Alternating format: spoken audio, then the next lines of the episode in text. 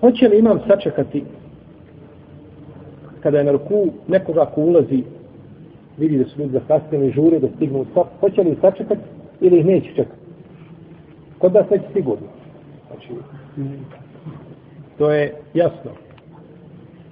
No, međutim, da li će čovjek ovaj, da li je imamo legitimno da sačeka, da sačeka da čovjek uđe i da pristigne na taj rekat. Nema smetnje imamu da sačeka muktediju s tim da ne smije opteretiti šta? Druge klanjače. Jer je došlo vjerodostanom hadisu koga bliže Buhari i Muslim od Ebu Katarija radi Allahanu da je poslanik sallallahu alaihi sallam je otezao prvi rekiat više nego drugi i učio bi na njemu na svakom rekiatu po Fatihu i Suru.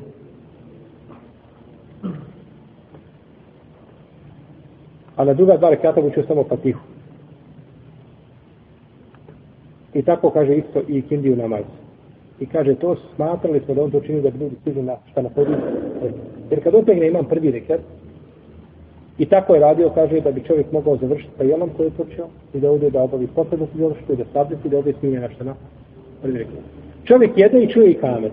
Završi jelo, ode, obavi potrebe koje ima, abdesti se i dođe stigne opet našta na prvi rekat. Stigne na prvi rekat. Kod nas bi možda stiglo na zikr ili ili. Ili ili. I to je pitanje veliko i to bi morao požuriti sa jelom. Jel? Tako je, znači, otezao je prvi rekat da bi ljudi šta? Stigli na taj namaz. Pa otezanje prvog rekiata da ljudi stigli, na što ukazuje? Da je to vid ovaj čekanja čega? Klanjača koji su zakasnili, tako? Pa isto je na ruku, kad se na ruku da ga sačkaš. No, međutim, ne smije zbog toga trpiti džemat. Imaš i za sebe djeda, puno stari, nisu naviku dugo biti na ruku i tako da. Ili mi je to opterećenje? Ili opterećenje jednog čovjeka.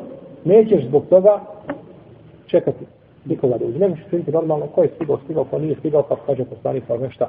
Naklanja ono što nisi stigao. Znači ovdje nema smetnjeno, međutim, mora se imati u obziru šta? Da ima drugi sanjači koji su došli na vrijeme i koji su preči da da im se da njihovo pravo ako nisu stanju da sačkaju. Onda druga stvar. Ponekad tu u džamijama, kod nas ljudi manje kasno. Kod nas ima slučaj, znači da čovjek uđe u džamiju, vidi da su ljudi u namazu i vrati se na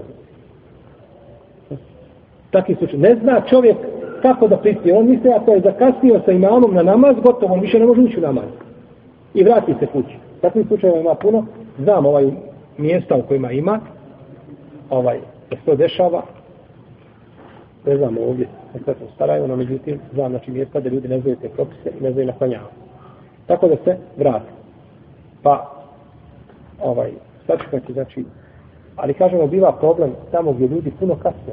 Ulazi jedan, pa drugi, pa treći, znači, pa opet grupa, pa grupa. Kako će imam, kako će se To je znači, ako kriješ čovjeka, U arapskom svijetu ima običaj jedan ružan običaj, takav. Čovjek koji zakasni ima, ima ključeve u džepu, ono onako zetka sa pa njima, ili pare. Da imam zna da je on šta? Da on dolazi, da čeka. Zetka, znači ide preko džami i dok čuješ ovaj, da neko ključe ima trese i udara, znaje da je neko zakasnio imamu, mamu, kazuje neko od imama sačeka, a neko neće da čeka. Neko neće da čeka. Međutim, to je ružan običaj jer time ometaš druge plnjače. Znači, svako od tih možda 100 ljudi ili 50 koji su džami, mora znati da si ti zakasnio i da neko ulazi sada jedna bitna ličnost koji je važna da ima sačeka i tako da. To je ovaj, to je pogrešno.